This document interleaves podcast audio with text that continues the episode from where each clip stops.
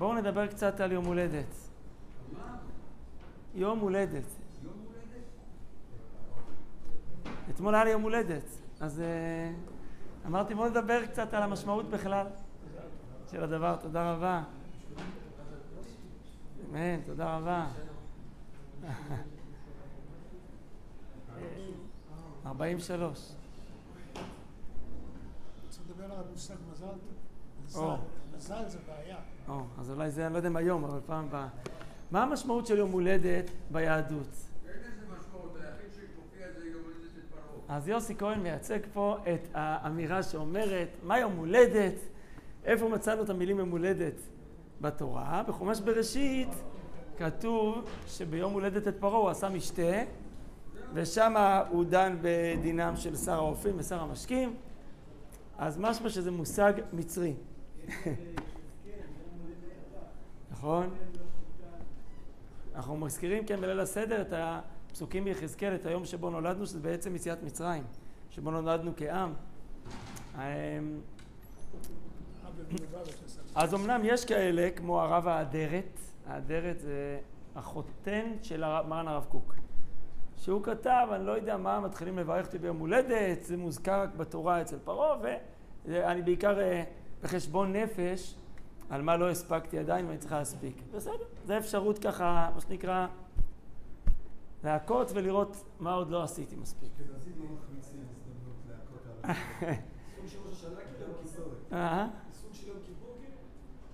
כן, אולי, אה, כן, אבל השאלה באמת אם יום כיפור ויום שנה זה יומים עצובים? או שמחים? כאילו חשבון נפש שלא הספקתי לעשות. חשבון נפש. אבל אני רוצה, אה, כמו שאתם בטח מניחים, להראות לכם הרבה מקורות שמאזנים את זה. לא סותר חשבון נפש. קודם כל, קודם כל, התורה לא אומרת דברים לחינם. וגם כשהיא אומרת על פרעה הרשע, יום הולדת אותו, היה בזה השגחה שנועדה לגאולת ישראל. הרי מה הוא עשה ביום ההולדת שלו? הוא, נכון? הוא דן את השרים, ובזכות זה בהמשך הם סיפרו לו על יוסף שהוא פותר את החלומות, ויוסף עלה לגדולה להחיות לכם לפלטה ולהכין למשפחת ישראל, יעקב אבינו, את האפשרות להתבסס. אז גם זה היה לטובה. האדרת מזכיר את זה, הגמרא בעירובין, נוח לו לאדם שלא נברא. ועכשיו שנברא יפשפש במעשיו. הרי זה, האמת היא זה דיון שהיה בין בית שמאי לבית הלל. אבל תדייקו, מה כתוב שמה? נוח לו. תגידו לי, מה יותר נוח? זה נוח לחיות? זה לשבת כל היום ולנוח? לא. אדם לעמל יולד. לחיות בעולם הזה זה דורש מאמץ. לחיות כמו שצריך, להסתדר, לעבוד את השם, להתגבר על היצר הרע, לפרנס. זה לא, זה לא נוח. נוח יותר אה, לשכב בבטן גב. הנה, עכשיו אנחנו קצת בחופשות. אבל זה לא אומר שאין חשיבות גדולה לזה שאדם נברא. נוח שלא שלא נברא, אבל עכשיו שנברא, אז יבדוק איך הוא מקיים את שליחותו, יפשפש במעשיו, יראה איך הוא מקיים את אה, דרכו. מי שירצה להסתכל בסידור של הרב קוק בעולת ראייה, על הנוסח שאומרים בימים נוראים באלוקיי, שכתוב עד שלא נוצרתי, איני כדאי. הוא מסביר שמה את זה, שעד שלא נוצרתי, כנראה לא, הי- מה זה איני כדאי? כנראה לא, לא היית זקוק לי לתיקון העולם. ועכשיו שנוצרתי, סימן שאתה זקוק לתיקון העולם, אז עכשיו בוא נראה מה אני עושה עם זה. ועכשיו אני, כן, עושה עם זה חשבון נפש. עכשיו, רואים כבר בחז"ל שהם התייחסו דווקא כמה פעמים ליום הולדת של צדיקים, של אנשים גדולים, כיום אה, גדול. המן הרשע הפיל פור על זין באדר והוא כל כך שמח, למה? כי זה היום שבו מת מושיעם של ישראל. ומה אומרת הגמרא? הוא לא ידע שהוא גם נולד.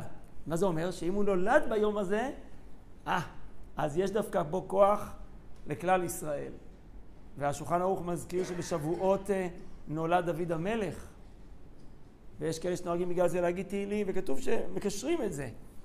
אה, והמדרש במקום אחר אומר שבתשעה באב נולד המשיח.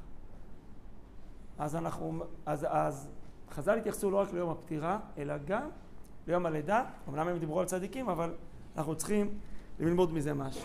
עכשיו, לפני שנגיע למשמעויות של חז"ל, בואו שנייה נדבר על רגש טבעי.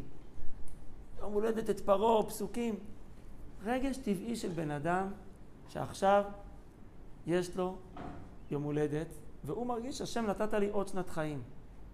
האם אין פה משהו פשוט, פשוט, של הודיה, של שמחה, רגש טבעי, בריא, של הודיה ושמחה?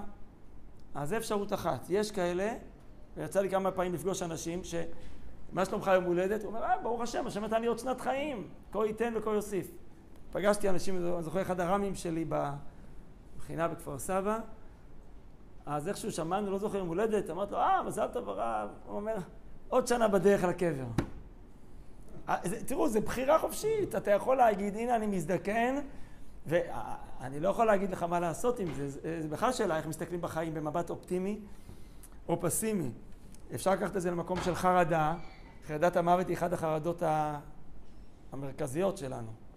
כן, אבא, אבא של הרבה חרדות אחרות. ואפשר להגיד, מה השם נתן לי עד כה, ובואו ננצל את זה הלאה. המושג חשבון נפש הוא בעיניי מושג נהדר. גם אותו, אגב, אפשר לעשות בצורה שקוברת אותך או שמצמיחה אותך. אפשר להגיד, וואי, כמה אני גרוע וכולי וכולי, אבל זה לא נראה לי חשבון נפש אמיתי. חשבון נפש צריך להיות אמיתי, כמו חשבון ב... של בעל עסק. הכנסות, תוצאות, זה צריך להיות אמיתי. אדם לא יכול להגיד כל פעם, וואי, איזה עסק גרוע יש לי. הוא צריך לבדוק. חשבון נפש אמיתי, אנחנו לקראת אלול, זה לבדוק גם את כל הדברים שאני עשיתי טוב, ולמה, תגידי, למה צריך לשים לב אליהם? כדי לחזק אותם. כדי לחזק את טוב, מחזקים ידי עושה מצווה. חז"ל אומרים, אני רוצ... ואם יש דברים שאני, מה שנקרא שיפור ושימור, אם יש דברים שעשיתי פחות טוב, אז בואו ניתן גם להם תנופה, איך אני עכשיו מתקן אותם. אז גם חשבון נפש לא צריך להיות מושג כזה מדכא.